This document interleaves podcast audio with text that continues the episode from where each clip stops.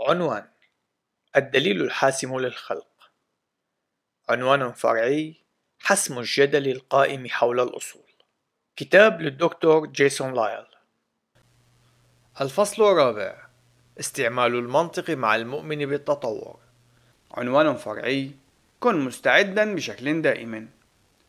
رسالة بطرس الأولى 3:15 تقول التالي اقتباس بل قدسوا رب الإله في قلوبكم مستعدين دائما لمجاوبة كل من يسألكم عن سبب الرجاء الذي فيكم بوداعة وخوف. نهاية الاقتباس.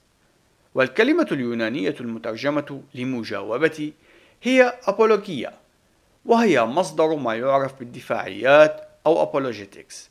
إن هذه الكلمة تعني تقديم جدال منطقي للدفاع عن الموقف الشخصي، وبالتالي فإن الدفاعيات هي الدفاع عن الإيمان المسيحي.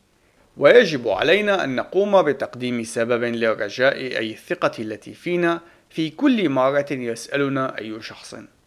وإن الدليل الحاسم يقدم لنا سببا رائعا فإيماننا بالمسيح يزودنا بجميع القواعد والأساسات للتفكير المنطقي العقلاني والبحث العلمي والأخلاق. لكننا في أحوال عديدة نفشل في تقدير المقطع الأول من رسالة بطرس الأولى 3:15 اقتباس قدسوا رب الإله في قلوبكم. نهاية الاقتباس. ذلك أن هذا الجزء هو الأساس الذي يجعل من تنفيذ بقية الآية أمرا ممكنا. فنحن يجب أن نقدس المسيح كرب وإله ومخلص في قلوبنا بحيث يكون كل تفكيرنا مبنيا عليه.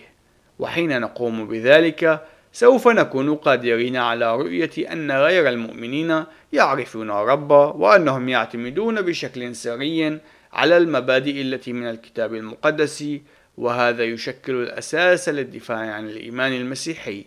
وكلما أتقنا هذه الأجزاء كلما كان من المهم أن نتذكر الجزء الأخير من الآية وهو أننا يجب أن نجيب بوداعة وخوف أي بمحبة واحترام.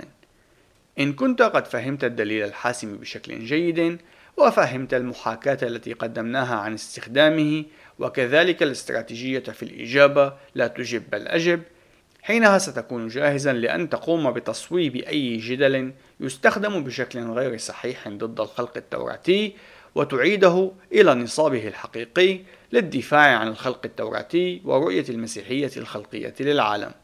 في الفصل التالي سنقوم بتقديم استراتيجيات إضافية كما سنقوم بتدوين مقاربة عامة للدفاع عن الخلق التوراتي ضد جميع المعترضين.